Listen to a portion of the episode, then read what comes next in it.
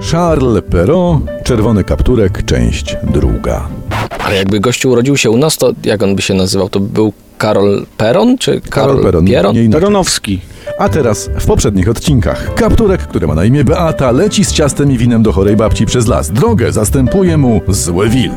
Mam chorą córkę, mówi. Dokąd tak kopytkujesz, rączanoga gazelo? pyta. No mniej więcej. Idę do babci. Odpowiedział wilkowi kapturek na pytanie, gdzie idziesz? Niosę jej wino i placek. A daleko stąd mieszka twoja babcia? Zapytał wilk, układający sobie w myśli plan, że pożre babkę, a na deser zje to śliczne, młodziutkie dziewczątko.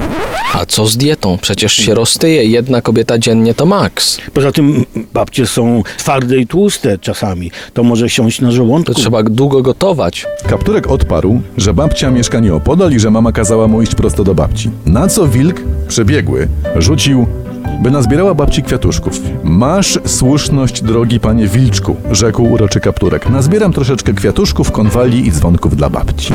Naiwność kobiet zgubi kiedyś ten kraj, ba, ten świat. Wilk tylko na to czekał. Pędem pobiegł do babcinej chatki i zapukał. Kto tam? Zapytał słaby głos chorej staruszki za drzwi. To ja, czerwony kapturek, niosę ci babciu placek i wino, otwórz mi.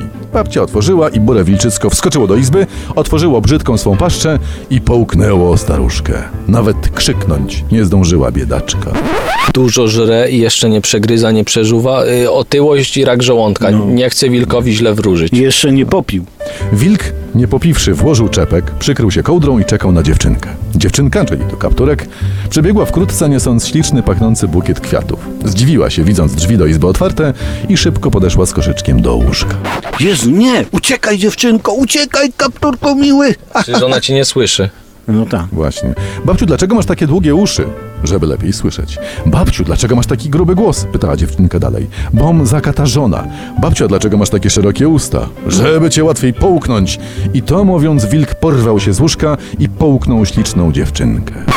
Świnia, świnia, myślałbyś, że wilk, ale świnia. Wilk człowiekowi świnią, a kiwi, kiwi, kiwi. W końcu wilk zasnął i zaczął chrapać. Usłyszał to chrapanie przechodzący nieopodal myśliwy. Te, te, te zbiegi okoliczności zaczynają przypominać scenariusz niemieckiego pornola. Wiecie, dziewczyna łapie gumę, a z lasu wychodzi gość w bawarskich spodenkach, jodłuje. Nie, nie wiemy, nie, nie, znamy I tego, ma Tomku. wentyl. i- Przepraszam, nie, Tomku, nie, nie nie, kojarzymy. Ja z My opowiadań tylko. Myśliwy, uwaga, wszedł do chatki. A to co znowu? Zawołał zdumiony, widząc straszliwe wilczysko. Szybko przeciął śpiącemu brzuch brzytwą i cóż ujrzał? Czerwonego kapturka i babcie. Myśliwy włożył y, wilkowi do brzucha kamieni, zaszył, a gdy ten się zbudził, nie mógł znieść ciężaru i padł na podłogę martwy. I tak się kończy ta bajka. No to teraz w dobie y, piątki dla zwierząt Kaczyńskiego to taki czyn leśniczego by nie przeszedł. Taka karma, jak to mawia, y, w wolnych chwilach kot prezesa. A to bajki dla dorosłych w RMFFM i jak, jak my się nazywamy? Radiowty bez cenzury. Znaczy, prze, przepraszam, ja mam w dowodzie Przemysław Skowron. Także. No ja to Zaraz- może zaraz- Obratowski. Y, Ja mam Jacek Tomkowicz. Ale wspólnie razem do kupy nazywamy się właśnie Radiowty bez cenzury. Bajki dla dorosłych, pa pa!